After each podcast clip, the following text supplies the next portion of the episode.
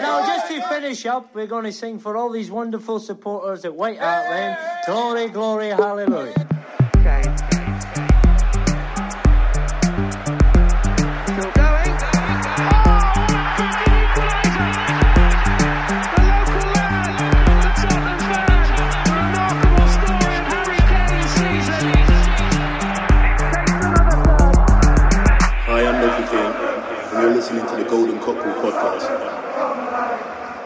Da kan vi ønske et velkommen til en ny episode av Golden Cockerel. Med meg i studio så har jeg Lars Peder, velkommen. Takk for det, Ole Andreas. Og Henning Danielsen, du er med igjen. Takk for det. Og vi kan si velkommen i studio da, for første gang. Veldig hyggelig. Og med oss i dag har vi også fotballskribent, eh, fotballpodder og generell fotballperson. Eh, Entusiast. Ja, entusiast, kan vi si det. Ja, vi er vel, Tore Haugstad. Tusen takk. Ja. Vi er vel alle- entusiaster her, vil jeg Ja. tro. Eh, Ikke all fotball. Ok. Nei, det er, eh, det er ett lag man ikke er så entusiastisk eh, for. Det kan jeg skrive under på. Mm, Det er HamKam. Den interne feiden der må dere la ligge nå, gutter. Men du, eh, du skriver for NRK. Du skriver for Players Tribune. Mhm. Du er med på eh, fotball-TV for eh, oss som har det. Er, er det noe mer du gjør? Uh, så driver jeg to podkaster sjøl, da. Ja. Som er fotballfortellinger. Som er mer sånn fotballhistorikk. Uh, og så Tippekampen, da, som er litt sånn som denne, da, at vi ser frem til neste helg og prøver å ta opp ting som kanskje andre ikke har tatt opp. Og så videre, og utover det så er det litt sånn frilansing her og der. eh, for Fortu av og til, magasinet Storbritannia og The Blizzard, som er magasinet til Jonathan Wilson, men det er litt sånn veldig sporadisk, da, hvis jeg kommer på en god sak. Ja. Dere hadde jo en eh, veldig god sak om Conte i tippekampen for ikke så lenge siden. Så eh, det er jo mye derfor jeg spurte om du kunne komme, fordi det var veldig interessant å høre på. Men vi må starte litt kronologisk. Eh, skru tida litt tilbake. Vi eh, spilte mot eh, Manchester United eh, for ikke fryktelig lenge siden. Det gikk ikke så bra. Selv om jeg leste at noen påsto at hvis vi taper El Sakiko, og det betyr at vi erstatter Nuno med Conte, så var det vel egentlig vi som vant El Sakiko. Og eh, Henning, du eh, var jo med på episoden vi kasta oss rundt og lagde den gangen. Eh, vet ikke om du har eh, endra noe syn på Nuno siden da? Nei, det har jeg ikke. Det, det lå litt i korta etter hvert. Han, eh, det er jo helt utrolig at en som blir kåra til månedens manager i august, eh, blir sparka i oktober. Men eh, det var dead man walking etter hvert. Eh, Alle som hørte det som skjedde mot United på Tottenham Hotspur Stadium, det, det er veldig sjelden at det skjer. Jeg kan ikke huske at det har skjedd, fordi at Tottenham-supportere er som regel ganske tilgivende og, og rolige. Men der var det full fyr i teltet. Så da vi spilte den forrige podden, så det var, det var litt trist, fordi at vi skal ikke være en klubb som sparker manager i hytt og pine, men samtidig så må jeg innrømme at eh, jeg gleda meg til Konta. ja. Og det, det må være lov.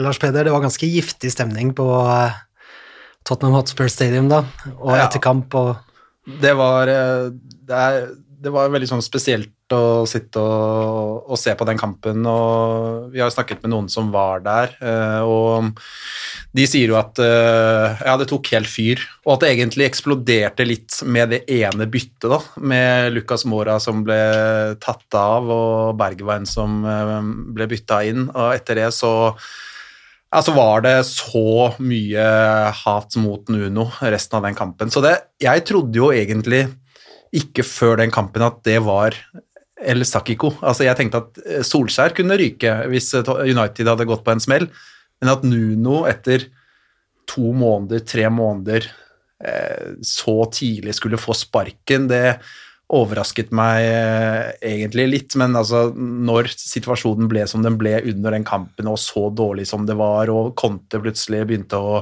kanskje bli tilgjengelig, da, så, så var det vel en del, en del ting som skjedde på en gang som gjorde at det, at det ble som det ble, men eh, Nei, ehm, jeg tror eh, dette var akkurat det Tottenham trengte nå, å få inn eh, Conte, og, og endelig så er det litt eh, optimisme å spore igjen. Ja, Tore, jeg vet ikke, så du den komme, denne sparkinga? Uh, kanskje litt overraska over at det skjedde så brått, men uh, det er jo uh, Eiere er jo sensitive til hva som skjer på tribunen, og um, jeg tror Livi liksom lar seg virkelig påvirke liksom, hvis, hvis fansen er fly forbanna og liksom nesten alle er enig i at denne treneren bør gå. Uh, det er liksom ikke en sånn amerikansk eier som liksom bare gir blaffen i hva fansen syns, eller et uh, sånn distansert uh, ørkenland som er der på, for, av helt andre årsaker. sant? Livi er jeg tror han anser seg litt sjøl som en, en, en, en klassisk uh, klubbeier da, som liksom tar vare på klubben på vegne av fansen og folket. da. Og Hvis folket sier at han her skal ut, så er det veldig vanskelig for Livi å, å stå imot, tror jeg. Um, og så har du jo, som Lars Peder sier også, at, og dere sier også at, at Conte var tilgjengelig, og at du har Fabio Paratici, som er direktøren i Tottenham, som har jobba med Conte før, og som helt sikkert ser, anser han som den beste løsninga. Uh, og så vet jo ikke vi om kanskje Tottenham har fått noen signaler fra Contes leir om at han kanskje er mer tilgjengelig nå enn tidligere. Uh, han var jo veldig tidlig med å si at han var interessert i Manchester United, mm. så det Ja. virker jo veldig som om han var klar for å ta en jobb. Um, så sånne ting kan også ha litt med å ha noe med, å, med situasjonen å gjøre. Jeg leste jo et lite stykke med godeste Romano, som eh, har jo, han har jo sugerør rett inn til Paratiki. eh, og ifølge han så gjorde han en særdeles god overtalelsesjobb for å få Conte inn. Eh, hvor mye sannhet det er i det, vet jeg ikke, men eh, Conte ville jo ikke komme i sommer. og plutselig nå så er det ja, jeg jeg er overraska. Jeg er det, altså. Men uh, Paratiki har jobba med Conte før. Dem har jo fått det til. Det er jo jeg håper å si det vi lever og ånder for nå, at de kan få det til oss også. Ja, Conte er jo um, Jeg skrev en lang sak om Conte når han dro til Chelsea, og det som kommer frem når du leser litt om han er at han er helt, sånn, helt besatt og veldig veldig intens og sliter egentlig veldig når han ikke får jobbe. Uh, han hadde veldig problemer med uh, hverdagen når han trente i Italia, fordi det var så lite kontakt med spillerne og så mye fri.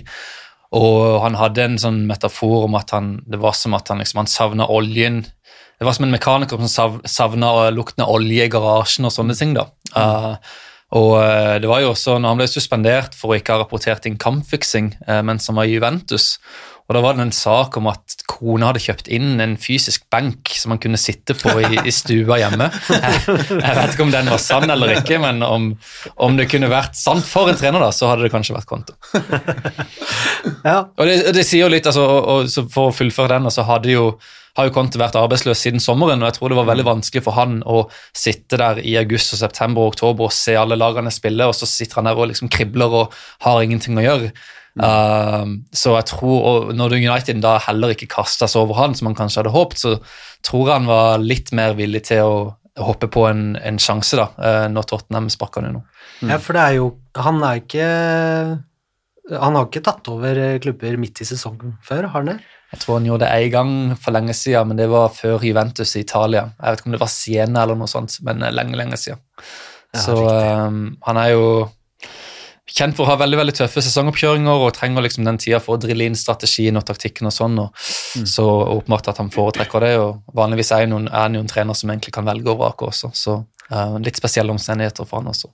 Ja. Det er jo litt synd for Tottenham-spillere nå, føler jeg. Uh, I hvert fall sånn fysisk sett. Fordi at han skal gjøre alt det han pleier å gjøre i, uh, i juli og begynnelsen av august. Det skal han gjøre nå in season. For det finnes jo ikke noe Det er jo ikke noe gyllen middelvei med Conte. Det er jo enten-eller. Nå var det jo Eh, et par, par ukers landslags, eh, med landskamper nå. Jeg, jeg tror det har aldri vært så surt å ikke bli tatt ut på et landslag som, som akkurat nå, fordi de fikk kjørt seg ganske, ganske greit, de som ble igjen eh, på treningsfeltet der. Ja. Så, eh, Sesk Fabregas hadde en sånn Q&A en gang på Twitter, og da sa han at um, han ble spurt hvem som var den mest krevende treneren. da. Og Han har jo vært Guardiola og Mourinho og Wenger og sånn, men det var Conte, altså klart Conte. Klart Conte. Ja, riktig. Ehm, bare for å eh, backtracke litt, jeg lurte på hva, din, hva du mener at Nuno sitt ettermæle er. Altså, hva sitter vi igjen med av Nuno, eller har han bare en pause... Nei, det var stopgap.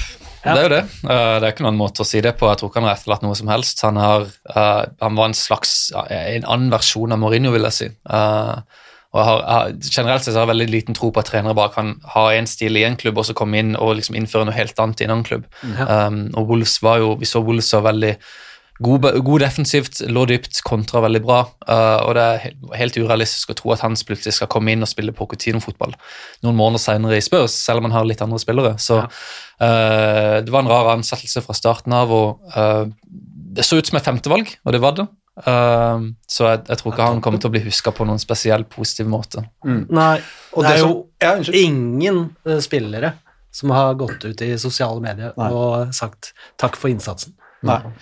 Uh, og det som, det som uh, jeg syns er rart da med ansettelse av Nuno, for å gå helt tilbake dit, er jo at det som jo var Tottenhams kanskje største utfordring under Mourinho, var det å skape et eget spill, og ha et eget eh, grunnspill og kunne styre kamper. Og, og det har jo eh, på ingen måte Nuno egentlig levert noe særlig i Wolverhampton heller, så det har egentlig vært hans svakhet som manager fra de årene han var i, i Wolves. Så, så de henta da en manager som egentlig ikke har noe særlig å vise til akkurat på den biten der heller. Så da, da han kom, så var jo det noe alle spurte seg har han det egentlig i bagen. og Eh, vi håpet jo at han, eh, at han skulle klare det med bedre spillere, men, men vi så jo ikke noe av det. Vi så jo ingenting av hva eh, han, Nuno forsøkte på med Tottenham under sine vinger. Det, det var jo egentlig Ja. det en veldig svak eh, Tottenham-utgave vi fikk se. Så mm, jeg tror nok om eh, ti år så vil vi sitte og tenke at oi, Nuno var trener i Tottenham i 2021, husker du det, Ole Andreas? Det var, eh, han var der tre måneder. en, en, en interessant ting med Nuno er at han, Tottenham er førsteklubben på en stund hvor han ikke har hjelp av Jorge Mendes, da, superagenten. Uh, Nuno var jo, når Nuno var keeper i Portugal, så ble han Nuno sin første klient. Da Nuno, nei, da Mendes sin første klient da han gikk, da han gikk inn i agentyrket. agentyrket. De møttes på en nattklubb eller noe sånt i Portugal. Uh, og Mendes har hjulpet han siden, og uh, i Wolves så var jo uh, Mendes en veldig veldig nær rådgiver til den kinesiske familien som er, eller det kinesiske selskapet som heter Wolves, og fikk en masse portugisiske spillere i championship som egentlig ikke hadde noen ting der å gjøre, med uh, Ruben Neves altfor god for det nivået, Diego Yota altfor god for det nivået, så veldig gode spillere. Um, og før det så var jo Nuno trener i Valencia, uh, hvor Petter Lim fra Singapore er eieren, og igjen var Lim um, uh, fikk Lim veldig mye hjelp da, og, og råd av Mendes men til hvem man skulle hente. De hentet en Cancelo, hentet en masse portugisere. Uh, og igjen fungerte den duoen veldig bra. Uh, og nå skulle da Nuno hente en klubb hvor Mendes egentlig ikke har noe sånn input. da. Og Interessant å se at det liksom har falt litt sammen da så fort de liksom ikke har fått eh, påvirke en klubb på samtidig. da. Ja. Eh, jeg vil jo påstå at eh, Nuno arva veldig mange feil fra tida under Mourinho. Så eh, Conte sa jo dette at eh, nei, her må vi slanke, slanke stallen bokstavelig talt. Ikke antall, men, eh, men fysisk. Eh, så eh, majones, ketsjup, brun saus, eh, det er bannlyst. Eh, Sandwicher får man ikke, ikke noe pommes frites heller, så Tror vi at denne landslagspausen har gjort godt for de eh, som har vært hjemme? Det har antageligvis vært veldig vondt, men eh, sånn i lengden så kommer det til å gjøre veldig godt. Eh, og jeg tror hvis Tottenham skal tilbake i Champions League-sirkuset, så, så må jo eh, vi kommer aldri til å bruke så mye penger som City, Chelsea og de andre store. eh, I hvert fall ikke i den forstand. Eh, Da må vi være flinkere på andre områder. Det var eh, veldig eh, avgjørende under Pochettino. Eh, I tillegg så eh, skulle jeg gjerne hatt en ny Dembélé. Fordi at Tottenham ramla sammen Ja, mange sa det at Christian Eriksen ikke gadd mer, men eh, da Mosa Dembélé reiste til Kina, så ble det et stort, svart gap i den Tottenham-midtbanen. Det er en av de mest undervurderte spillerne i PL-historien. vil jeg si. Ja, og eh, vi ser jo masse intervjuer av spillere som har spilt med han. Altså, beste spilleren? Ja, det er Dembélé. Det er en sånn spiller vi, vi egentlig eh, vi, det er først når han har dratt, da, og, og en stund etter han har dratt, vi ser hvor fantastisk god han faktisk var. Altså, han var, han var, uh, han var en, en brikke i det laget der som kanskje ikke er mulig å erstatte, for det, han var så unik. en Ndombele håpet vi kanskje skulle bli noe lignende. Han har jo litt det draget over seg, men, men eh, det å finne en uh, Dembélé-erstatter, det, det, tror jeg er vrient. Men jeg har lyst til å gå litt tilbake til Så, så poenget mitt er at man må, man, må, man må, se på hvordan kan man komponere et lag uten å ha den typen. Da. Men det som jeg har lyst til å si litt om, den ketsjup, uh, majones, uh, sandwich-debatten, holdt jeg på å si. Conte har jo lagt ned forbud mot, mot det. og og så kan man selvfølgelig le litt av at, at det ikke er lov å spise ketsjup lenger der borte og, og sånt, men, men, for meg så handler det liksom Det, det med ketsjup og majones blir litt symbolsk, da. For jeg, jeg, tenker nå at Tottenham har fått inn en manager som, som til fingerspissene så genuint med hud og hår ønsker å gjøre Tottenham bedre. Uh, og uh, han lever og ånder for dette her. Uh, når han først tar den jobben, så, uh, så, kommer han til å, å, legge ned alt i sin makt for å få dette bra, og han pleier å lykkes. Altså det er jo, Hvis du ser på historikken hans, så, så lykkes han, han lykkes jo der han er.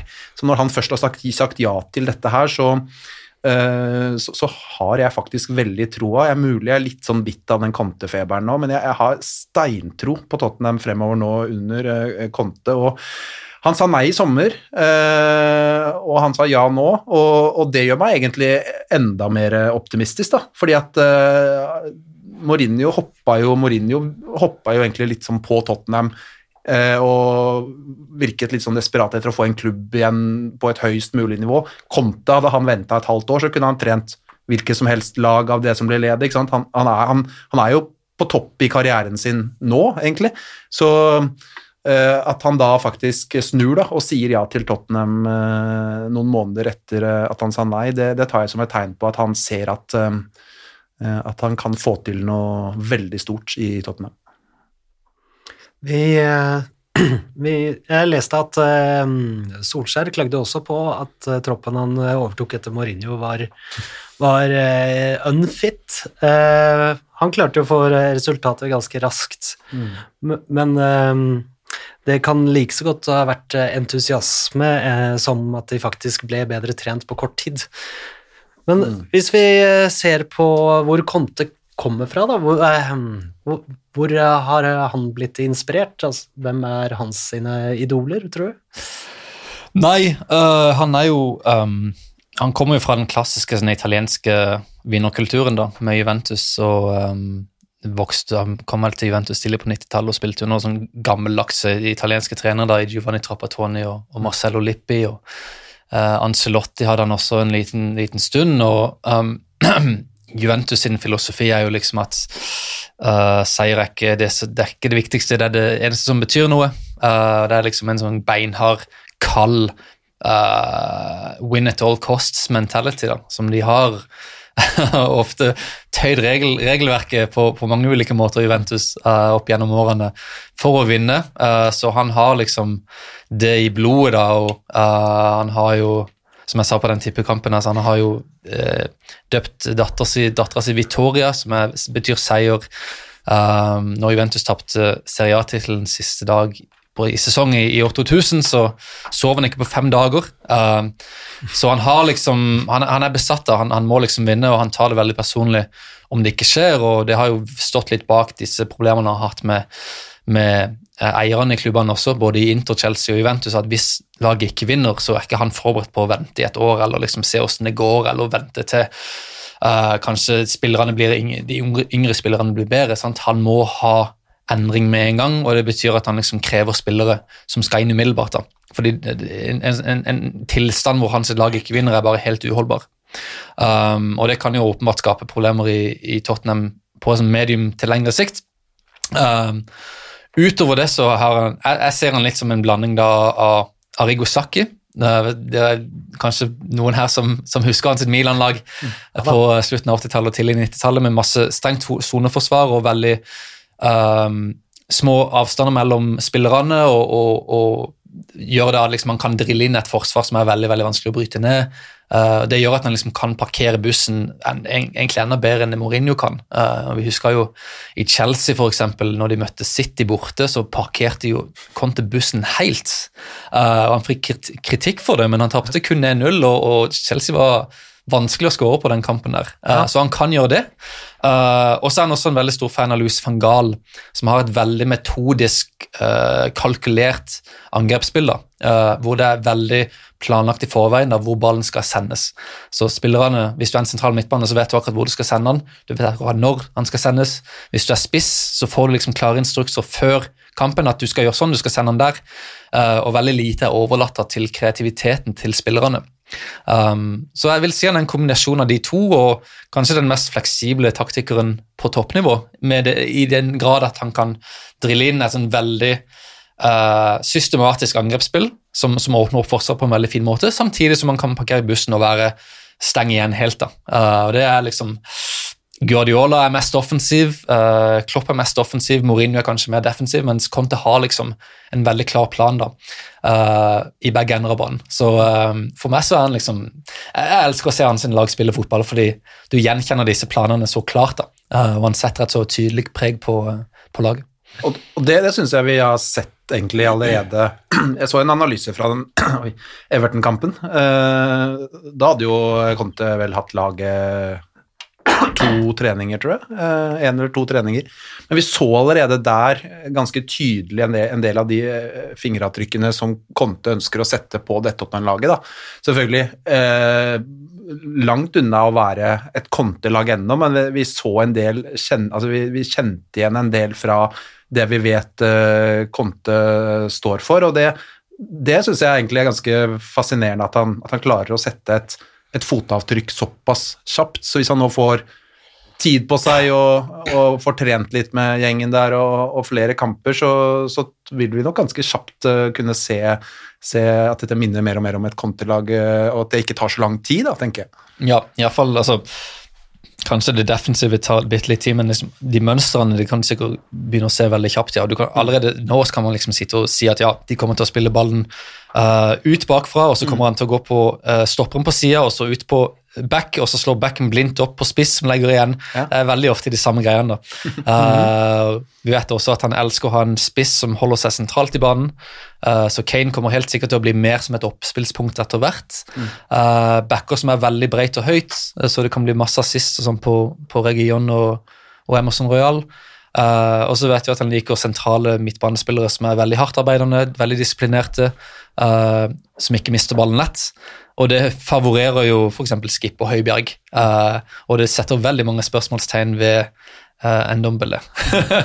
Ja, han kan Enda jo miste, ja, miste ballen eh, på uheldige tidspunkt, og han kan gjøre magiske ting med ballen, så Men det som kanskje er eh, det viktigste, da, hvis vi ser det Tottenham-laget i ja, siste to tredjedelene av Mourinho-tida og nå de tre månedene med Nuno, så er det jo et lag som spiller uten sjøltillit. Det er jo et lag som ikke verken tør eller har noe særlig tro på seg sjøl.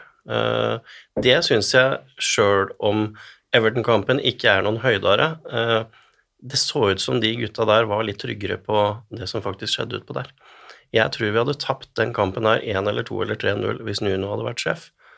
Eh, og ikke nødvendigvis fordi at vi hadde spilt eh, så mye dårligere, men fordi at eh, topplokket eh, fungerer bedre. Altså, vi må huske på at Conte han tar jo ingen fanger, men samtidig så passer han jo på alle. Han sørger jo for at gutta veit at han har taket på det. Fotballspillere, det er eh, Tom Nordli sa en gang at du kan ikke undervurdere fotballspillere nok. uh, og noen ganger er det sant. Uh, og det gjelder jo da selvsagt mye det mentale òg, ikke bare det fysiske.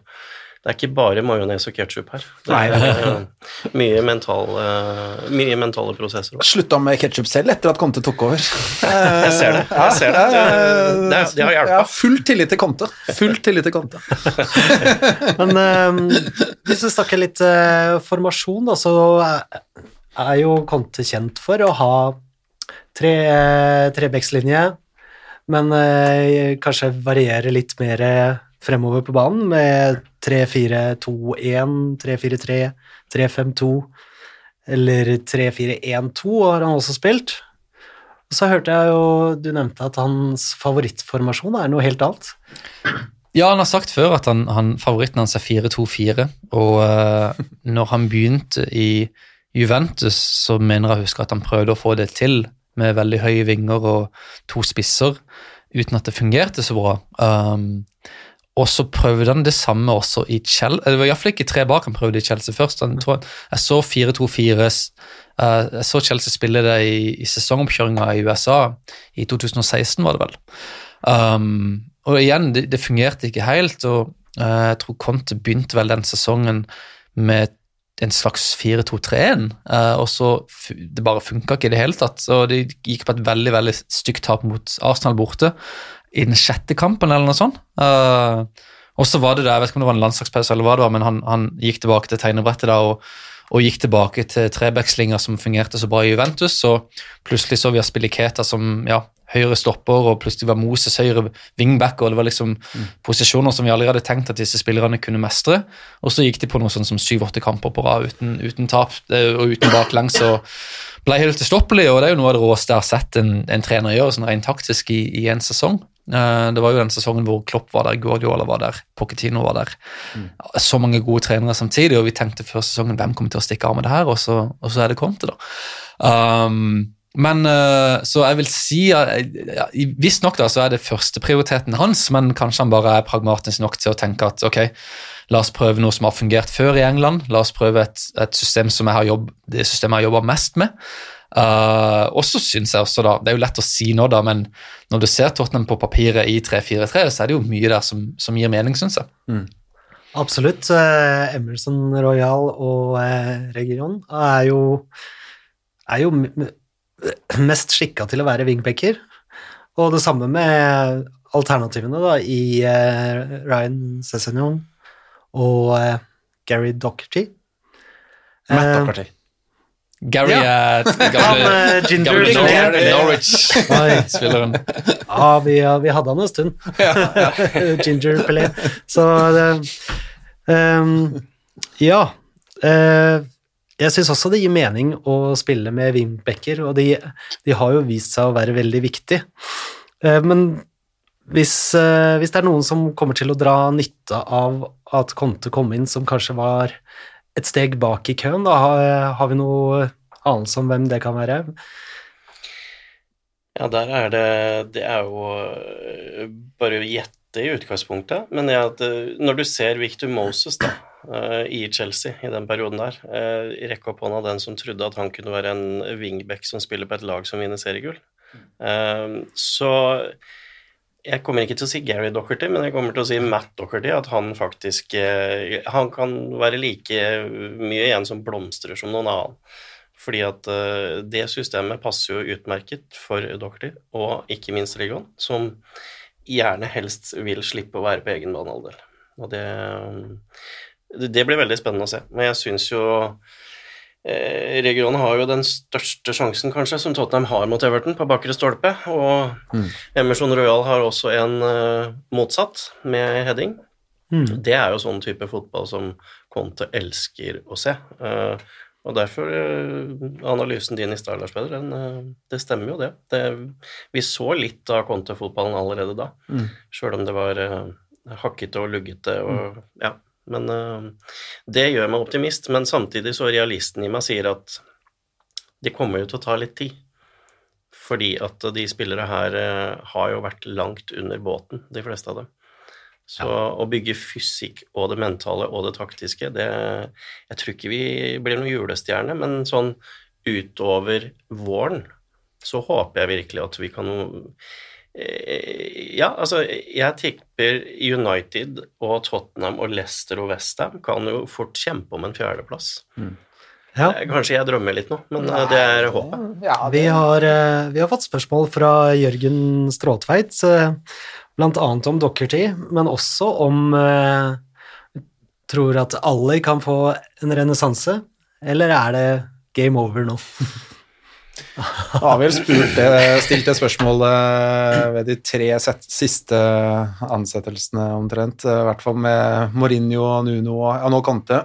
Jeg, Eh, Jeg, jeg, jeg tror ikke Del Alli kommer til å, å nyte sånn supergodt av dette her. Jeg klarer ikke helt å si at han skal være en eh, vinner Kante kommer inn. Jeg, tror, jeg klarer ikke å se hvor han skal spille. Det, jeg syns han eh, har vært langt unna lenge nå, og at han skal være en spillertype som, eh, som eh, drar veldig nytte av Conte og, Contes filosofi, det, det klarer jeg ikke helt å se. Men nå har jo Conte sagt at han skal forsøke, da, men det er jo det er vel sånn ganske naturlig å, å, å si som ny i klubben. Men jeg tror heller da at noen spillere som, som kanskje kan eh, eh, dra nytte av en eh, her, det er eh, Nå har vi jo sett allerede Ben Davies eh, i to kamper fra start. Den venstre stopperposisjonen er jo kanskje den posisjonen han faktisk kan spille på. Eh, så, så det kan hende at han eh, står igjen som en vinner her. Cézinho er jo som skapt for dette her, så hvis han nå holder seg skadefri, så kan han kanskje endelig få i gang eh, karrieren sin eh, i Nord-London. Og så har jeg en liten joker, ikke fordi at jeg nødvendigvis håper veldig på han, men jeg tror en spiller som kanskje kan få det litt til under Conte, og som kanskje Conte kan komme til å like, det er Harry Winks.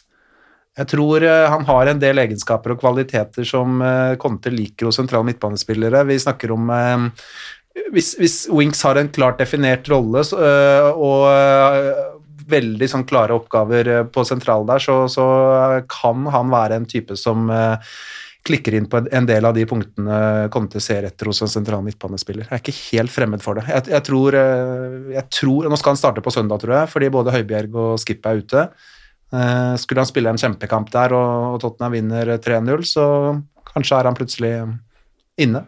Jeg tror det eneste håpet vi kan si med Dele Alli, er hvis eh, Conte velger 3-4-1-2. Mm. Eh, fordi at det er den rollen eh, Han og Eriksen veksla jo veldig eh, i Jeg på å si når Dele var god. Eh, og det er jo de bakromsløpa. Det er jo blindsoner. Det er jo der Dele er god. Han er jo ingen playmaker sjøl. Han er jo den som egentlig henter nedfallsfrukten fra det de andre gjør. Eh, han er ikke noen ballvirtuos, eh, bortsett fra i avslutninger. Der er han god. Så hvis han kan ligge der, Mm. Så er det et lite håp for Dele. Men jeg tror ikke Conte velger det. Nei. Det Jeg eh, Var jeg klar og tydelig nå? Ja, det syns jeg.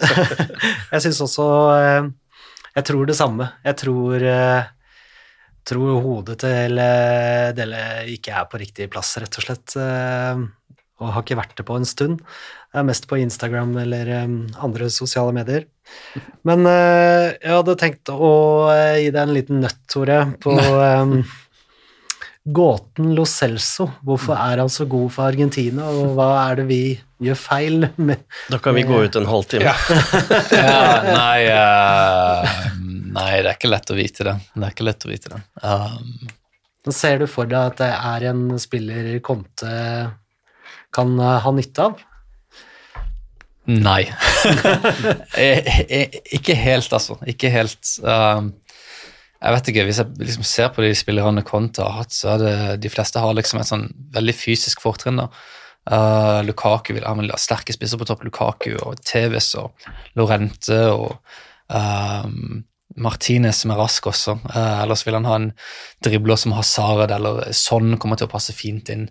Ser Lucas Moa har gått rett inn i laget fordi han er kjapp og han har liksom et eller annet der. Um, ikke, han, har, han har ikke så mye på det å liksom tre liksom spiller frem disse små teknikerne i mellomrommet som veldig mange andre, som Guardiola eksempel, er veldig glad i. Um, det skal være opp og spiss, og så legge igjen, og så er det brett, og så er det løp i bakrom. Uh, liksom bang, bang, bang, da. Uh, ikke så veldig mye sånn småspill. Um, så uh, Nei, jeg ser ikke helt for meg at Lo Celso kan liksom bli en som Han har ikke vært inne i lag, vet, han har vært skadefri sant, i det siste. Sant? Han har ikke vært i laget, jeg, jeg tror ikke han kommer til å spille seg inn der med mindre han viser noe helt spesielt. Uh, kanskje i den rollen Lucas har nå, da, hvis, men, men sikkert for meg han som en Conte-type. Uh, litt samme bås som en, en Dombelé, kanskje. Um, så må vi se om jeg tar feil eller ikke. Jeg har ikke sett så mye Argentina i det siste, men uh, det er, ja. Men der er han jo god. Altså, men argentinsk fotball, landslagsfotballen til Argentina, holder jo et helt annet tempo uh, enn Premier League. Ja. Uh, det er jo det største problemet til Gio. Eh, ferdighetene til Gio Han er helt suveren ferdighetsmessig, men det går for fort for han. Han mister ballen i situasjoner der det er farlig for Tottenham i mange situasjoner. Eh, og så blir han plukka opp fordi at det går for fort. Eh, og nå har han vært der han har vært hos oss altfor lenge til at det egentlig skulle være problemet. To og et halvt år. Ja. Ja, det er jo det er to og et halvt år. Og hvor lenge skal man uh, sitte og vente på en spiller til 40 mil og, og se om han kommer til å slå til, da. Det er jo Og jeg tenker at hvis Hvis ikke Conte ser at dette er en spiller han eh, vil få mye bruk for, og, og det blir lite spilletid, så tenker jeg snart at det er på tide å cashe inn på han. Fordi eh, selv om det sitter langt inne for livet å, selge en spiller eh, med tap, så, så, så må du jo på et eller annet tidspunkt bestemme deg for om du skal om du skal kanskje la han gå og heller eh, bruke det du får, da. På, Ja, men jeg tror ikke du taper så mye penger på det, fordi Nei, at han ja. har en så høy stjerne Ja. i Argentina, Han ja. eh, og han har en så høy stjerne i Spania etter Betis. Mm. Eh, jeg, tror ikke det, jeg tror ikke vi selger med tap, jeg, altså. Det, er ikke sikkert. Da kan vi heller bruke de penga på én type spiller som Conte veit vil fungere i Premier League og i laget hans. Mm. Og de er det ganske mange av, og det, det er veldig mange spennende navn som linkes til, til Tottenham nå. Mye fra Serie A, naturligvis. Eh, Så mm, Nei, det, jeg tror nok Jeg vet ikke om vi skal innom det senere, Ole Andreas, men jeg tror det januarvinduet det kan bli eh, det mest hektiske januarvinduet vi har opplevd i vår levetid, tror jeg. For det Konte, som du sa i stad, Tore, så Det er liksom noe med at Konte er ganske utålmodig, da. Uh, han vil at ting skal skje helst eh, i går, i dag, nå. Uh, så mm, det kommer et januarvindu som han eh, helt sikkert kommer til å, å være ganske aktiv i. Så det kan være både spillere inn og ut og der, da. Ja, og Conte vil ha spillere inn tidlig, Ja. og Livi pleier å få det inn ganske seint. Kvart på tolv på deadline. Det. Ja, Ja. vi, skal, vi skal tilbake til uh, januarvinduet og ta en liten kikk inn i krystallkula der. Uh, men nå tar vi en liten pause. Hi, I'm Ledley King, and you're listening to the Golden Cockerel podcast. Vi har nå kommet ut av en landslagspause som eh, egentlig kom ganske beleilig. Eh, mange spillere var faktisk hjemme og fikk trent, eh, og mange spillere har prestert godt på landslagsoppdrag. Eh, jeg vil jo tro at de fleste har fått med seg at Kane har skåra sju mål mot Albania og San Marino.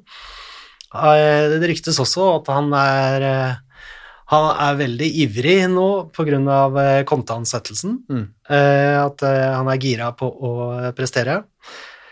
Sånn uh, skåra mål, fikk en liten føling med et eller annet Nei, ikke føling, han fikk vel en liten smell. Men eh, er tilbake, i hvert fall. Eh, Gar ikke Gary, han andre. Matt. Matt. Oh. Matt, Matt, Matt, kom igjen. Uh, Matt Docherty eh, fikk skryt for sin innsats eh, for Irland. Ben Davies skåra sitt første landslagsmål for Wales. Eh, og så var jo eh, Steven Bergveien eh, banens beste mot eh, Norge. Og der eh, var det noen som tvitra før kampen, Lars Peder. Jeg så den. hva Den er om legendarisk. Typisk at eh, Steven Bergveien spiller sin beste kamp noensinne i dag. Ja. Og da fikk du jo spørsmål om, eh, om dette var med på Jinxey-skolen. Men det du, Nei, altså dette, er jo, det må jeg være veldig klar og tydelig på, at dette er ikke jinx. Eh, hvis jeg hadde skrevet eh, Bergwijn er ræva, han kommer aldri til å score mot Norge, det hadde vært jinx.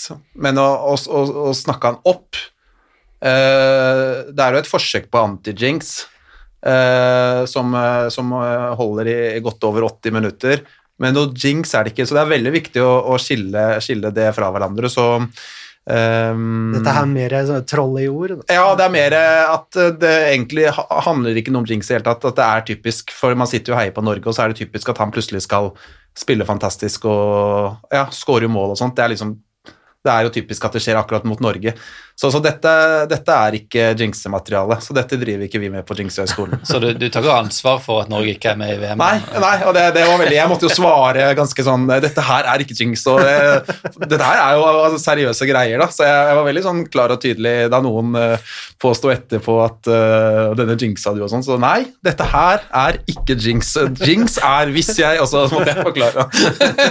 så det ble 20 minutter på det etter kampen. Ja, det blir, er jo blitt en eh, Det er jo kommet eh, spørsmål om å få eh, begynnerkurs i jinxing eh, Ja, hos deg. hel helgekurs neste uke. Ta med matpakke, Ja, ja. skrivesaker. Stemmer det. um, det uh, Romero var jo også banens beste mot uh, Brasil uh, før han ble skada. Nå kom han tilbake til Hotspur Way i dag og skulle få en scan. Eh, det siste jeg leste før vi gikk i studio, var at han eh, går glipp av eh, kampene mot Leeds, Mora, Burnley, Brentford og Norwich, og er tilbake mot Renn. Ja. Så eh, vi har fått spørsmål hvem er det som erstatter eh, Romero eh, i Forsvaret? Eh, det er Roger Sagvåg på Twitter som spør. Jeg tror eh, Davinson Sanchez eh, går inn. Eh, jeg, jeg har litt trua på Tanganga, men jeg tror Sanchez tar den jobben enn så lenge. Jeg tror Dyer kommer til å spille mye mer enn mange som hater Dyer, vil. Um, så ja, nei, jeg tror Sanchez vil få jobben. Men vi kommer til å savne Romero, det er det ingen tvil om. Helt klart. Ja. Eh, andre spillere på landslagsoppdrag har ikke jeg eh, skrevet opp, så ikke, hvis noen ikke har noe mer å skyte inn der, så, eh, så tenker jeg vi går på eh, de neste kampene i Premier League. Laurice holdt nullen i to kamper. Det gjorde han, da. Ja. Må, vi, må ikke glemme keeperen vår. Nei. vi spiller nå på søndag eh, halv seks norsk tid mot Leeds. Eh, Conte er vel eh, litt fan av Bielsa, han også, er han ikke det? Eller eh, Jeg har ikke lest noe særlig om. Eh, Hvis, hvis han er det, så, så er ikke, jeg, jeg, det er ikke en sånn connection jeg har gjort, iallfall. Nei. Men um, Leeds eh, er jo intensivt lag, for å si det mildt. Hva tror du vi kan forvente oss av den kampen, eh, Henning? Nei, det er jo Leeds er jo et helsike å spille mot når de er eh, på. Eh, nå syns jeg ikke de har vært så veldig på i høst eh, kontra i fjor, men de har jo da fått mer skader på sentrale spillere enn de hadde i fjor, og det, den stallen er jo egentlig syltynn. Det er jo det, det han gjorde i fjor med det mannskapet der, var jo et under. Eh, men eh, det blir tøft. Eh, men jeg syns jo da, hvis Conte har fått inn noen prosent kontofotball i det her, eh, så er jeg mye mer optimist eh, nå enn jeg ville vært med Nuno. Fordi da hadde Leeds løpt over oss. og Det håper jeg ikke skjer på søndag. Jeg veit ikke om Bamford blir eh, klar, Eh, jeg har ikke lest noe om det. Men eh, Leeds erstatter jo ikke Bamford med noe. Eh, Han er ekstremt viktig for måten Leeds spiller på.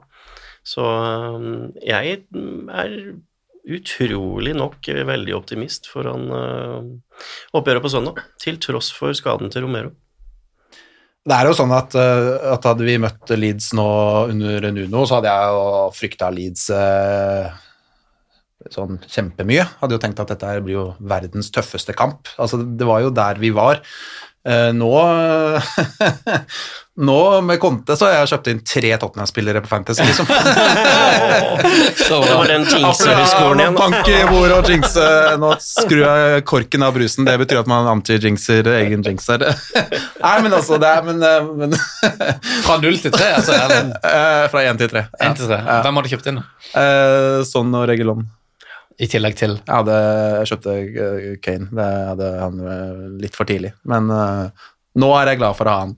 uh, nei, men uh, poenget mitt var ikke å snakke om, uh, om spillerkjøp og fantasy, men mer at det er en helt annen følelse før den kampen nå enn det ville vært med Nuno. Det er jo Jeg sitter jo egentlig nå og er kjempeoptimist over det som kommer, og gleder, gleder meg til kamper. Og, og føler at eh, Jeg leser jo i dag at nå skal de renovere hele scouting-systemet sitt. Det, det skjer noe i klubben der, da. Eh, og liksom for første gang siden ja, 2019 kanskje, så, så er det liksom Man får følelsen av at eh, dette, dette kan bli bra, og liksom Leeds er jo et lag vi skal slå, liksom. Så det Man har jo Og jeg tipper spillerne har det litt på samme måten, da. At de liksom tenker at oi, fader, konter, liksom. Vi er, vi er jo kanskje, kanskje vi faktisk kan eh, vise oss som et ganske bra lag på banen. Ja. Og eh, selv om Bamford er tilbake, da, så er ikke han nødvendigvis eh, matchfit, som det kalles. Hvordan tror du vi står til Leeds, Bielsa Leeds?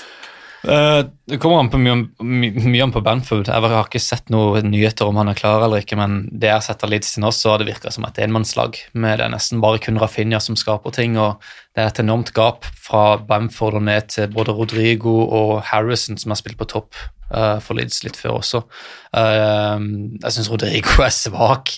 Uh, jeg syns ikke Harrison er veldig like god som han var forrige sesong. De mangler Eiling i tillegg, så det er, ja, det er skader. Eh, men Bamford er, er veldig veldig viktig, og jeg syns Rafinho blir veldig veldig alene eh, i det Leeds-laget. Så jeg det har mye med at eh, hvorfor de ikke gjør det like bra som før.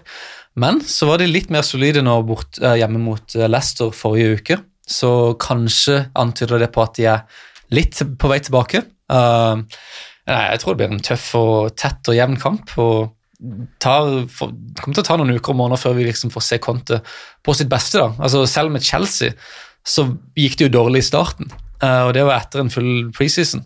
Ja. Så eh, jeg ville vært litt tålmodig. altså. Det, det gøye selvfølgelig for, for dere er jo at det går fremover, da, at dere vet at nå begynner vi på vi begynner å bestige fjellet, da, og så spørs det, det, det kommer, Man vet ikke hvor kjapt det kommer til å gå i starten, men alle vet at det går oppover, fordi Conte gjør alltid lagene sine bedre. Det er 99% sikkert. Det er en veldig gøy, fin sik- sikkerhet å ha for dere. Um, men at det tar litt tid i starten, det tror jeg. Så um, ja, jeg tror ikke vi får se noe 5-0, det tror jeg ikke. Jeg ser på whoscore.com, så de har eh, Bamford ute. Ikke noe tvilsomme eller noe, bare ute. Så Bare de- ute. Ja. Det er James på topp. Ja, James ære min, ikke begynn å få meg get me starter på James, altså. Det er, Et av de beste salgene United noen gang har gjort. ja, uh, det er Leeds Leeds gikk glipp av han før han gikk til United, men at de har kjøpt han det, for et sånn, sånn, så smart klubb, at de kan hente Rafinha og gjøre det varpet og liksom hente James for omtrent samme summen, som for meg ser ut som en championship-spiller, det er veldig, veldig merkelig. Ja, uh, men tro Jeg er jo redd for at vi her kommer til å ikke styre kampen, la Leeds eh, ha ballen, og så kontrer vi. Um, det, men Conte, Conte scorer, Contes lag scorer jo mye på kontringer, for så vidt. Så hvis eh, seier er det som teller for Conte, så, så er det det som teller for meg. eh, Contes Inter skåra jo ni ganger eh, når de vant eh, serien sist, på Mm. kontringer. Oh, ja, ok, ja. Ja. Det var mest i hele serien A. Eh, takk for den, Erik Heimdal. Eh, Men det, det handler litt også om at de tar ledelsen oftere enn andre, da. ja. Så de har en større tidsperiode hvor de gir mening og kontre. Så det, sånne statistikker henger litt sammen med det også å gjøre. Men, eh, men de er veldig gode på det. Og Chelsea var det jo også ofte at de fikk første og andre målet, og så bare la de seg bak, og så løp de inn mål nummer to, to og tre og fire. Um, NS Mura uh, er eh, en kamp vi skal vinne, så hvis Jeg sier ikke noe særlig om den kampen. Um, Det er jinx. Jeg var på hjemmekampen. det er hjemmekamp. Nei, jeg var på hjemmekampen. Du var på hjemmekampen. Ja. Det eh, var en særdeles spesiell opplevelse med 13 14 15 000 på en stadion som tar 62. Men eh, Var det da det bare var øvre del av eh, Nei, det var stengt hele øvre del, men det, det er jo greit nok. Men det, du kunne jo ha stengt mye av nedre del også. Stengt nedre. Eh, Det var, eh, det var tynn suppe. Så det var først da Kane skåra hat trick at det ble litt liv. Det var vel som å se Lyn på Ullevål eh, en gang i tiden. Ja, antageligvis så var det det. 50 000 tomme seter blir det å være. Ja, det var Ja, vi snakka ti ganger så mye om Mura som jeg trodde vi skulle gjøre. Ja, beklager. det går bra. Eh, etter Leeds så har vi Burnley. Eh, et helt annet lag enn eh, Leeds. og det er en kamp jeg er veldig usikker på, for jeg, jeg lurer, lurer veldig på hvordan vi kommer til å Eller Conte kommer til å legge opp taktikken. Om, om her skal vi dundre på og, og få de første måla og, og bare kontrollere inn, eller om uh, man skal invitere Burnley til å prøve på et eller annet, og så kontre på dem. Du kan ikke finne på det. Du kan ikke finne på å invitere Burnley inn på noe som helst. Du må jo få det første målet. Burnley, når det laget må framover, eh, så er det mye lettere å spille mot dem i utgangspunktet. Men et Burnley-lag som er- leder 1-0 mot oss, da snakker vi om et fjell som må bestiges i mange situasjoner. Fordi at det, det å forsvare seg i to, eh, to og en halv lav blokk er jo, det er jo den våte drømmen til eh, Burnley. Så hadde jeg vært Conte, så hadde jeg gått ordentlig hardt ut for å få én, helst to, og så kunne kontrollere kampen etter det. Ja, det er sånne lag man eh, skal gå rett i strupen på nå, da, med Conte. Det er sånne lag som man ville eh, vært livredde for under Mourinho, eller Mourinho ville vært livredd for, da. Altså, ikke sant? Eh, Så det, det er litt det som jeg håper nå å se, at egentlig Tottenham går i strupen på de fleste lag, og at Tottenham skal styre kamper, og at man ikke, ikke lenger ser den der frykten, og hvis de skulle havne foran, da, at ikke de du ser den frykten eh, for å slippe inn et mål, men eh, at man fortsetter å, å gå for nummer to. Og, og helt enig med deg, altså både Leeds og Burnley, de to neste nå, er jo lag jeg håper Tottenham bare går rett i strupen på og får vist seg skikkelig frem mot. For det, det er jo dette Tottenham-laget gode nok til å gjøre. da. Og etter eh, Burnley så har vi Brentford og så Norwich. Det er jo et nyopprykka lag som har eh, gjort det veldig bra, og et nyopprykka lag som har gjort det veldig dårlig. Så eh, det er farlig å innkassere poeng på forhånd, men uh, får håpe at den new manager-bouncen til Norwich allerede er over når vi møter dem. Jeg tror Norwich kommer til å bli ganske mye bedre under din smitte enn det de har vært. Ja. Eh, ganske trygg på. Dean Smith eh, snudde opp ned. Han hadde for så vidt en del penger å rutte med kontra en del andre, men eh, hvis du spør eh, Aston Villa-supportere, så er det ganske mange som er triste over at han selv om resultatene var dårlige nå, eh, som er ganske trist over at han forlot skuta, eller måtte forlate skuta. Så jeg, jeg frykter Norwich. Eh, Brentford har vi jo sett mot Tottenham tidligere. Det er jo også et energilag de luxe. Eh, men jeg er veldig glad for at vi slapp å møte dem i august og september. Ja. Fordi at da Jeg så dem mot Arsenal, og det var Det er jo eufori, rett og slett. De løp jo Altså, de hadde jo løpt til jul, eh, hvis det var det om å gjøre. Eh, og så er det jo litt flatterende at de vinner så mye, men erfaringsmessig, sånne lag vil få det litt tøffere utover. Nå har det også blitt litt tøffere for Brentford enn det var til å begynne med. Men det er ikke noe lett match, det heller. Altså. Det, Brentford har ikke noe å tape mot oss, eh, og sånne kamper er eh, De er vonde. Men eh, jeg, de har holdt nullen mer enn jeg trodde. Altså, de har vært mer solid defensivt enn jeg trodde. Så det blir vel litt det samme igjen, da, å prøve å knekke den koden ganske tidlig. Det var ligacupen eh, sist sesong vi slo Ja, det var jevnt. Det ja, var det var vel eh, tre centimeter offside på kneet til Tony, Tony, der, eh, ja. Som gjorde at det ikke ble Men det var Rune under Mourinho. Hjalp det deg litt nå, Hård Andreas? ja. Jo da. Men eh, hvis vi skal eh, ta de fire kampene og si hva vi tror vi sitter igjen med poeng etter det, da tenkte jeg Lars Peder skulle få gå først. Så typisk. Nei, jeg, jeg tror eh, de fire Jeg, jeg, jeg tror tolvpoenget. Altså fordi Så kan man selvfølgelig si at ja, men det blir alltid en uavgjort og sånt. Ja, det kan hende, og da er vi nede på ti, og så Men, men jeg, jeg klarer liksom ikke å se hvilke lag er det Tottenham ikke skal slå, da, av de fire der. Brentford har jo vært gode litt på nedadgående, så jeg tror nok tidspunktet å møte dem på fort er ganske mye bedre enn om vi hadde møtt dem i august-september, som Henning sier. Norwich, Burnley, Leeds Jeg mener det er lag Tottenham skal slå. Så ja, nei, jeg, eh, jeg sier tolv poeng.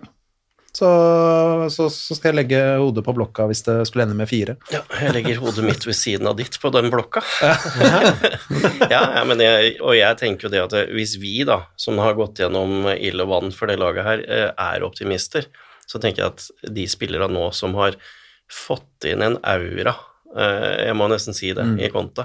Eh, Hvis du ikke er inspirert nå, hvis du ikke har trua på det nå, altså, da kommer du aldri til å ha trua på det. Eh, Så jeg tror Jeg er enig med Lars Peder. Det er jo ikke så ofte vi er enige, men tolv ja. poeng eh, må vi gå for. Det er nesten skuffende hvis vi ikke får det. Eh, Nå jinxer jo sikkert jeg, da. Nei men, altså, nei, men det må være lov å, å, å mene uten at man jinxer eh, hele tiden. Men eh, jeg tenker også at det, det er så viktig, da, eh, når vi ser på den terminlista nå de neste ukene og halvannen månedene frem til januar. altså Hvis Tottenham nå kan faktisk ta de poengene vi håper, i hvert fall ta veldig bra med poeng. Nå har de et par tøffe kamper. De har vel Chelsea eh, inni der, eh, og Liverpool vel inni der. Eh, I hvert fall Liverpool før jul, rett før jul. Eh, 19. desember er Liverpool, ja. så det er klart det kommer et par tøffe, men, men totalt sett ganske sånn på papiret eh, ok program. Eh, og det hadde vært utrolig kult hvis Tottenham var skikkelig eh, på skuddhold og lå litt høyt når vi bikker januar. Da. Vi går inn i det vinduet der, og, og klubb og Livi og gjengen ser at her er det faktisk, dette kan faktisk bli veldig bra. Eh, for det er ikke langt opp. Selv om, vi, selv om sesongen så langt har vært egentlig ganske dårlig, så, så er det ikke mange poeng opp. Hvis Tottenham først nå skulle få en 10-12 poeng på de fire neste kampene, da, så er det jo virkelig med å ha veldig mye å spille for fremover, og det hadde vært kult. Ja. ja, for eh, den fjerdeplassen er ikke spikra, Tore, i Premier League. Nei, absolutt ikke. absolutt ikke. Eh, tre veldig gode lag som, som skiller seg ut, og så har du United som somler veldig, og um, jo lenger de holder opp på Solskjær, jo større er jo sjansene for at den plassen er up for grabs. Eh, og ja, så, sånn som United er. United er jo nesten i fritt fall nå. Hvem er det som skal ta den plassen? Arsenal eh, Jeg vet ikke om de står hele løpet ut. Leicester virker svakere enn før. Uh, nesten Westham som, Ja, som seiler opp. Eh, og kan fint være at hvis Conte liksom virkelig får skikk på det tidligere enn vi tror, og treffer på noen signeringer i januar, at Tottenham kan plane seg inn der allerede denne sesongen. Absolutt. Ja. Jeg syns forresten jeg var optimistisk. Jeg hadde ikke sagt tolv poeng i det hele tatt. Uh, bare for å få Ja, du er jo Tottenham-supporter, det, jo- det er jo fordelen din. ja, ja. Jeg, jeg sier jeg hadde sagt åtte. Uh, seier mot Norwich, U mot Brentford, og så fire poeng fra Leeds og mot, Leeds og. Ja. Jeg tror Brentford er litt bedre enn de siste resultatene tilsier. Der hadde jeg vært for to uker siden. Åtte Ja. under Nuno? Mm. Ja, da, da, da hadde jeg sagt fire, liksom. Ja. Maks én seier. Jeg trodde jo jeg skulle ta og klemme til med ti poeng, men men det gjorde jeg ikke. Men får vi ja, ti poeng, vil jeg være fornøyd med. Altså ti poeng på fire matcher. Det er jo sånn i Premier League at du, altså, jeg, Vi sier fire seier, Henning, men du spiller alltid en uavgjort eh, en match du skulle vunnet. da. Som Ja, så er jo ikke det noe krise, Nei. fordi at de andre lagene kommer til å møtes innbyrdes Ja. nå i løpet av de neste ukene òg. Så Det får vi ti poeng, så er det Det er kjempebra. Da har vi kontakt, Ja. og det er jo det viktigste nå. ja. Da er vi ferdig med, med kampene som kommer, så da skal vi eh, kikke litt inn i krystallkula på eh, januarvinduet og spillere inn, spillere ut. Bale again. Oh! Unbelievable! Januarvindu kommer fortere enn vi eh, kanskje aner. Det er eh, seks uker til eh, i snakkende stund. Det har jo florert med eh, artikler på internett eh, fra mer eller mindre seriøse aktører om at eh, Conte hadde lyst på et transferbudsjett på 280 eh, millioner euro. Eh, det får han ikke. Og keeperen har ballen. Nei, det får han ikke. Han gjør ikke det. Men uh, det er vel et håp om at uh, Conte kom av uh, flere grunner. Og den ene grunnen er jo selvsagt at uh, han må jo ha fått en viss forsikring om at eh, laget kan eh, styrkes. Eh, og det håper jeg og tror at vi gjør i januar. Men eh, det er nåla i høystakken, da. Å finne den riktige spilleren til den riktige prisen. Eh, og det Jeg er glad jeg ikke er Paratiki, egentlig. Det viser ord har ikke blitt snakka på lang tid, iallfall ikke i denne poden. Han, han har januars aller tøffeste oppgave. Han må være altså Det er, blir fullstendig Sikkert det blir krig, men det er to veldig veldig sterke og sta personligheter som han må få til å jobbe sammen, og det er kun han som kan gjøre det. og ja, Lykke til til Fabio. Og det var det Tore hadde å bidra med. Ja, nei, men det, det er klart det Uh, Vi har jo uh, Vi har jo faktisk brukt en del penger de siste sesongene, men vi har jo ikke brukt de så veldig godt. Nei. Så det håper jeg kanskje endrer seg mest med Paratiki. Eh, og at vi eh, vi bruker pengene, pengene på de riktige spillerne istedenfor eh, å, å kjøpe noen. Altså, vi har fortsatt Jack Clark i avtalen. Eh, ikke det at han kosta all verden, men eh, ja, nei, vi må investere smart. Det er mye snakk om uh, Dusan Vlaovic, men han er jo snakk om uh, i- uh, til alle forskjellige klubber, så hvis Det er jo ikke realistisk at han kommer til Tottenham i januar. Det er jo ikke det. Jeg håper det, fordi jeg har sett Vlaovic såpass mye nå etter hvert, fra første gang vi ble linka. Det er jo en strålende spismaker til Harry Kane, det er det ingen tvil om. Men jeg kan ikke se at vi bruker 70-80 millioner euro på han i januar. Det, sorry. Nei, men, men eh, ja, det, jeg er enig i at det er vanvittig mye penger, men eh, skulle det være en eh, type spiller, da, en profil hvor de faktisk kan bruke så mye De brukte jo 55 på en Dombelé, så det, du skal ikke så veldig mye høyere opp. Og han er jo eh, Er han ikke 2000-modell, ikke sant, så han er jo altså, Den eh, videresalgsverdien hans kan jo være håper å si både doblet og nesten tredoblet i løpet av fem år. Og jeg tror det er en faktor jeg tror Til syvende og sist det er nok noe av det Livi ser på, da. Om, om det er muligheter for å, å kunne få Hvor mye de kan få for dem eh, hvis Real kommer på banen om tre år, eller noe sånt. Eh, så, så Men eh, om han havner i Tottenham Altså, det ville jo vært Det ville jo vært helt rått. Men jeg er også litt enig med deg, Ole Andreas, at Tottenham bruker jo penger. altså Hvis du ser siden 2019, så har de jo brukt eh, over 300 millioner euro. Mm. Eh, problemet er at 200 av dem er brukt på spillere som overhodet ikke har slått til, eller som vi fortsatt venter på kanskje slår til. ikke sant? Sånn som Jack Clark og Docherty og ja, Ndombele Cézinho. Jeg kan ta med Ja, mm. Ndombele og Lo Celso også. Berg var en delvis, kanskje. Og Gedson Fernandes, så var det jo fire millioner for å låne òg. Så, eh, så hvis de Så, så de- de har penger, eh, og eh, jeg tror helt sikkert Conte har fått noen lovnader nå. Det, jeg kan ikke skjønne annet. Og med Paratici inn der også. Jeg, Nei, jeg, jeg tror de kan eh, komme til å bruke en del i uh, januar, om det skulle bli Vlaovic. Uh, det, det hadde jo vært sjukt. Fantastisk. Men uh, ja, nei, men noe blir det i hvert fall. Det tror jeg. Ja, vi er jo også sterkt linka til eh, Kessie i eh, Milan. Veldig mye Serie A-spillere som blir linka, selvfølgelig. Det, det Ja, og jeg så jo Stefan de Frey eh, var linka. Det er jo en midtstopper jeg har kjempesans for, men samtidig så er jo han i feil ende av aldersskalaen, da, eh, hvis vi tenker på den biten der. 29. Men eh, det er jo eh, Jeg vil heller ha han enn eh, Skrinar. Ja. Men eh, han vil jo ikke koste så mye. Han har vel kontrakt ut Han har ett og et halvt år igjen. Så eh, vi har jo egentlig nok midtstoppere, men spørsmålet er eh, hvem skal slå til? Fordi at det, det er jo bare Romero som jeg ser som virkelig er Ja. klassestopper. Resten er sånn Ja, det fylles inn, da. Ja. Eh, så er ikke jeg så negativ til Eric Dyer som veldig mange andre er, men han er jo ikke god nok til å spille på et lag som skal kjempe om Champions League og i beste fall seriegull, liksom. Det, der er han ikke i nærheten.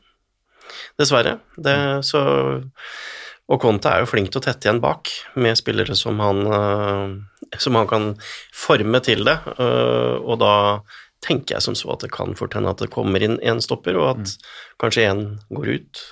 Men husker, men eh, jeg skulle til å si det når dere snakker om eh, spillere som kan bli forbedret under Conte, at når du får inn veldig gode sånn, taktiske trenere, så er det ofte stopperne som forbedres mest. og Jeg husker f.eks. Antonio Rudegaard så liksom køddet til å shake ut under Lampard, og så kommer Tuchel inn, og så er han plutselig en av de beste i Europa. og eh, Gary Cahill var kjempestødig under Conte i Chelsea. David Louise var jo uh, beskyldt for å være en PlayStation-spiller av uh, Eller var det, var det gitt en tenåring kontrollen eller noe til PlayStation? og jeg tror Gary Neville sa det. Og så kommer han inn til Conte, og så blir han liksom sjefen blant de tre bak der, og så vinner de ligaen med et kjempepottetett forsvar. Så uh, jeg kan liksom se for meg at plutselig så blir Dyer og Romero er gode, da, men f.eks. Dyer og Davies blir liksom plutselig veldig stødige spillere, da, fordi de får veldig bestemte uh, arbeidsoppgaver, og de får en veldig god struktur rundt seg, masse beskyttelse av midtbanen og backene. Um, så jeg ser for meg, spesielt Dyer, da, at han plutselig kan bli uh, bedre enn vi hadde trodd. da, for Jeg, har, altså, jeg ser på Dyer også, jeg har heller ikke vært fan av han på, på lang lang tid. og uh, Syns han har vært svak lenge. Um, men uh, det blir veldig spennende å følge den, de type spillerne der. da, under, under Ja, og Lars Peder, du var jo innom det med Ben Davies. Altså, Jeg syns jo Ben Davies mot Everton var eh, langt bedre enn eh, allerede uka før det. Ja. Uh, og det både det defensive, fordi at han ikke blir avslørt på fart i så stor grad når du ligger mer sentralt. I tillegg så syns jeg at han i duellspillet, offerviljen, det å være litt offensiv i tankegangen. Da. fordi at det, Spiller du med tre stoppere, så er det litt lettere å, å kunne gå, istedenfor at du bare må avvente hele tida. Og Davies er jo en, han er jo en offerspiller, det er jo ingen tvil om det. Men han er tydeligvis fotballklok nok til at han kan spille der, og det, det gleder meg. Det Jeg tror jeg er han er flink til å ta til seg beskjeder. Ja, ja, ellers har han jo aldri vært på det nivået. Sånn ferdighetsmessig så er han jo ikke der. Og så er det så lett nå å sitte og snakke om hva skal Conte hente, og hva skal han hente, og hva skal han hente, men eh, jeg tenker at en, en eh, virkelig god manager er jo også i stand til å altså Det er så lett å si at han skal utvikle spillerne som er der, men det handler for meg mye om å bruke dem på en sånn måte da, at du både får utnytta de styrkene de har, og du får kamuflert de svakhetene. Alle fotballspillere har både styrker og svakheter. Det handler om å få sett mest mulig av styrkene, og så kamuflert mest mulig av svakhetene. og Klart Erik Dyer også har styrker og han har svakheter, men hvis han, han blir brukt på en sånn måte Og vi har jo sett i høst at med Romero ved siden av seg, det har gitt Erik Dyer et løft, ikke sant? Uh, han har hatt, uh, I mange kamper så har han hatt uh, to eh, ballvinnere, to gode duellspillere foran seg i Skip og Høibjerg. Så summen av dette her har gjort at eh, Dyer har jo vært eh, bedre i høst enn han var forrige sesong. Og så kommer kanskje Conte inn og, og kan eh, skru til ytterligere et hakk der. Så, så det, eh, jeg tror det er litt sånn viktig å kanskje tenke at en manager forhåpentligvis da kan klare å, å få brukt spillerne på en sånn måte at eh, man kanskje kan se, se dem eh, blomstre mer enn de har gjort tidligere, ved å bruke dem riktig råd. Da. Så jeg tror nok eh, sånn sett så har jeg litt sånn tro på at vi kanskje kan få se at noen av spillerne vi egentlig sånn halvveis hadde av, avskrevet under Mourinho og, Nuno, kanskje kan plutselig ja, få litt sånn kickstart på Tottenham-karrieren sin igjen. Eh, det kom et rykte i dag om eh, at vi var ute etter eh, Jordan Pickford. Det var vel omtrent sånt jeg Hvor kom det fra? Eh, oh, Telegraf, tror jeg. Oi. Nei, jeg vet, jeg skal ikke si sikkert, men jeg lurer på om det var det. Nei, jeg, det var, jeg reagerte på samme måte. Eh, Så var det litt gøy, for på skolen vi drev og underviste, vi hadde om noen dinosaurer, og så plutselig leste jeg den der nyheten om Pickford, ja. hvis dere tok den. Med de korte, Nei. Å, jeg har ikke sett alle de der Pickford-memesene med de korte armene og... Å ja, jeg har ikke sett ja, ja. Sorry. Nå var jeg Ah, Ja, faen, sorry, Ja, jeg, den ble kanskje for smal. Men Pickford er vel ikke løsningen for oss der. Eh, Første pri må jo være å få Hugo til å ikke reise hjem nå. ja. Jeg syns Hugo har vært solid, og han har vært utrolig solid for oss i mange år. Ah, ja, uh, og det er ikke bare å gå inn der uh, og gjøre den jobben der, altså. Så jeg håper Hugo eh, tenker seg om og blir i hvert fall et år til. Men hvis han reiser, så blir det ikke Colini, og det blir ikke Jordan Pickford. Nei. I hvert fall, jeg håper ikke at det blir det. Men keeperplassen er kanskje en av de plassene hvor det er best, eller enklest å få til en skikkelig god eh, engelsk, altså homegrown spiller. Um, Ja, jeg vil heller ha Nick Pope, sånn sett. ja, hva med Henderson? Hvis ikke han er tiltenkt å eh, overta eh, keeperrollen eh, fullstendig i eh, United. Ja, han var jo tiltenkt det i fjor. Han blei jo grooma og satt inn, og så fant jo plutselig Digea ut at nei, jøss jeg skal redde noen baller igjen. Eh, og da har jo han tatt den plassen, så ja. Eh, men jeg, ut ifra erfaring og spilletype, eh, hvis vi skulle satsa på noen av de engelske landslagskeeperne, så ville jeg satsa på Pope. Sam Johnstone, da? Hva tenker du om han? Ja. Det er heller ikke noe dårlig valg, men jeg syns han er også litt Willy Nikkersen. da. Han er jo Pickford Light. Ja, hva tenker du om han, Tore? Eh, Hele debatten virker absurd. Eh, Loris er kaptein, er han ikke det? Jo, er kjempegod keeper i lang tid og skal begynne å kjøpe inn masse engelske keepere som ikke er like gode som han. Det, Men Loris har kontrakt som går ut, Eh, så det er jo det, er jo det ryktet som har gått Ja, nå lenge, går at han vil hjem til Ja. Frankrike. Engelske spillere er veldig dyre. eh, når de ikke er særlig gode heller, så tror jeg heller Conte kjøper inn en, en, en gammel soldat fra Italia og setter han i buret, og så får de heller inn eh, noen eh, engelske spillere på banen, eller bare i stallen, trenger ikke bruke det. Mm. Uh, jeg vet ikke om Tottenham sliter med sånn homegrown-problemer uansett. Ja, de var jeg, jeg, jeg trodde ikke det, men Ja, jo, de, altså, de var veldig sånn på vippen forrige sesong, men uh, telte. De, de solgte unna mer enn de har henta inn uh, i sommer, så de, de har litt å gå på, men ikke veldig mye. Så de må ha det i, i mente, det må de. Ja, men Loris er uansett ikke homegrown sjøl, så hvis Nei. du det er, Nei, det går Du i null. taper jo ikke en homegrown hvis han går, da. Så. Det er, det er som vi sier, da, vi, vi har ikke lyst at uh, Loris skal, eh, skal dra. Men hva er greia med han? Altså, vil han vil, altså, ah, Han har ikke fått noe tilbud ennå. Altså, kontrakten går ut i sommeren. Det er jo greit, og så tenker jeg det naturlige da ville vært å enten gi han et tilbud om å forlenge, eller å på en måte bare innstille seg på at han ikke skal forlenge, og ha en grunn til det. Men altså vil, Har Loris uttalt at han ikke har lyst til å bli, eller er det Tottenham? Altså, hva er, jeg jeg syns hele greia er litt rar, fordi at, at han kunne spilt et år eller to til i Tottenham, det er jo ganske, ganske klart. Så jeg syns det bare er helt sånn merkelig Men jeg tror jo det er sånn Jeg tror uh, og håper at det er så enkelt at dette bestemmer Hugo sjøl. Ja. fordi at det, det at han vurderer å reise hjem med familien til Frankrike, det tror jeg er reelt. Mm. Uh, og derfor er det jo også dumt å gi inn et tilbud, hvis det er det som er holdninga hans. Ja. Uh, og da håper å si, ha en sånn stilltiende avtale at ja, Hugo, eh, du har lyst til å være her likevel? Ja, kontrakten ligger der.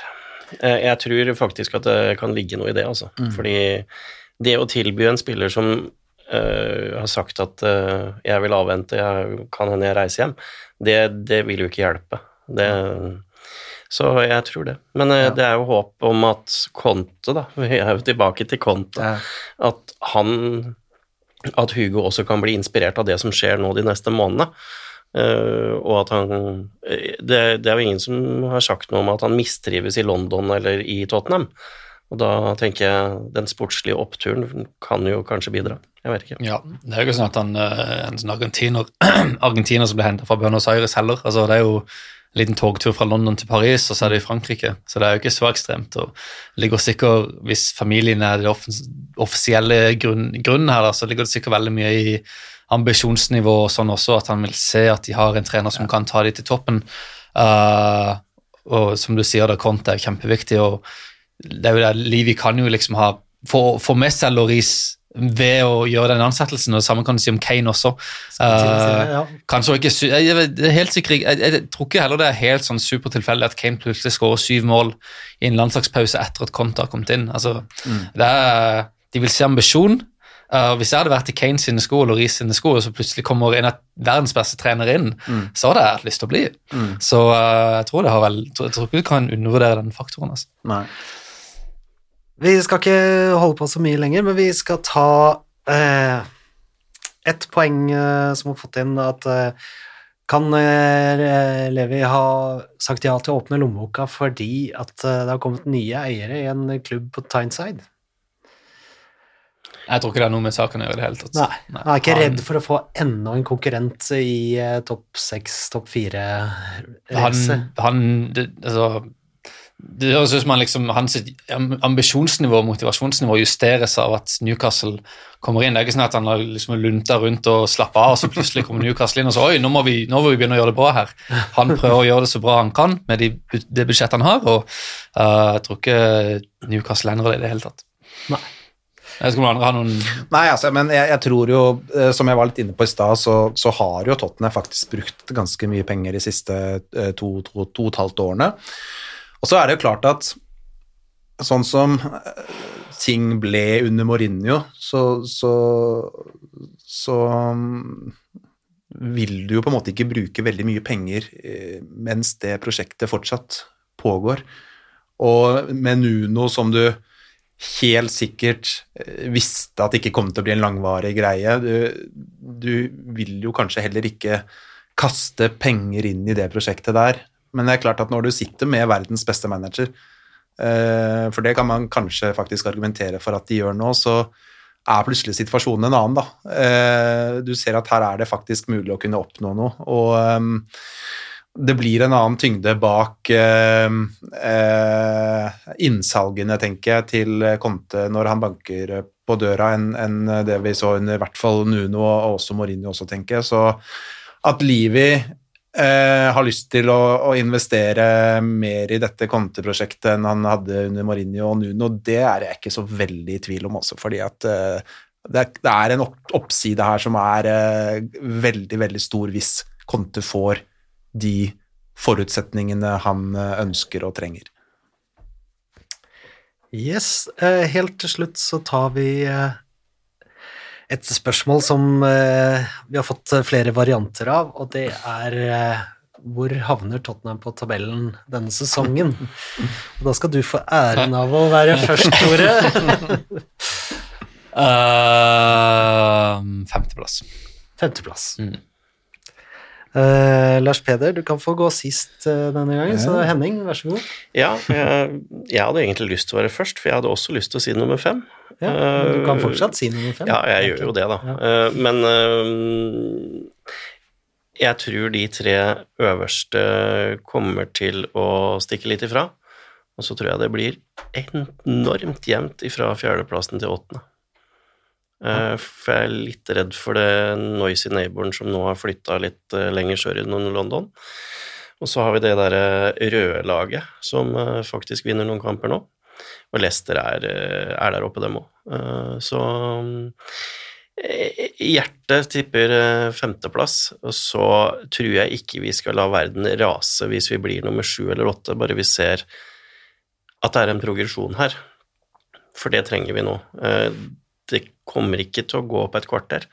Men hvis vi ser framgang, og at det er artig, som du prater på, Lars Peder, at det er artig å glede seg til Mm. Tottenham-kamper igjen, se Tottenham virkelig prøve på det som vi blei litt bortskjemt med under Pochettino, eh, det duger for meg per nå.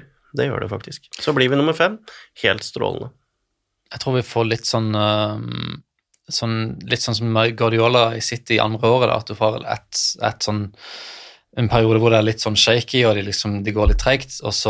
Men når Tottenham um, starter neste sesong, da, etter en hel sesongoppkjøring med Conte Du har ikke EM eller VM på sommeren, så spillerne er ikke slitne.